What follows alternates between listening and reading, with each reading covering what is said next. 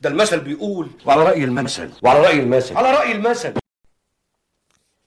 أهلا بيكم في حلقة جديدة من برنامج على رأي المثل. معاكم أحمد هاشم. تقدروا تسمعونا على ابلكيشن صوت بس. كذاب كذب الإبل. يا عم بس بقى ده أنت كداب كدب الإبل. بتقول اللي قدامك أنت كداب كدب الإبل. لما تلاقيه بيستخدم الحجج والأعذار دايما عشان يوصل لرغبته. أصل المثل إن مجموعة من البدو اعتادوا على التنقل والترحال مع الجمال والإبل في الصحراء عشان يبحثوا عن الأكل والشرب. طبعا إحنا كلنا عارفين إن دي حياة البدو. طيب الإبل بطبعه ليه حركة معينة.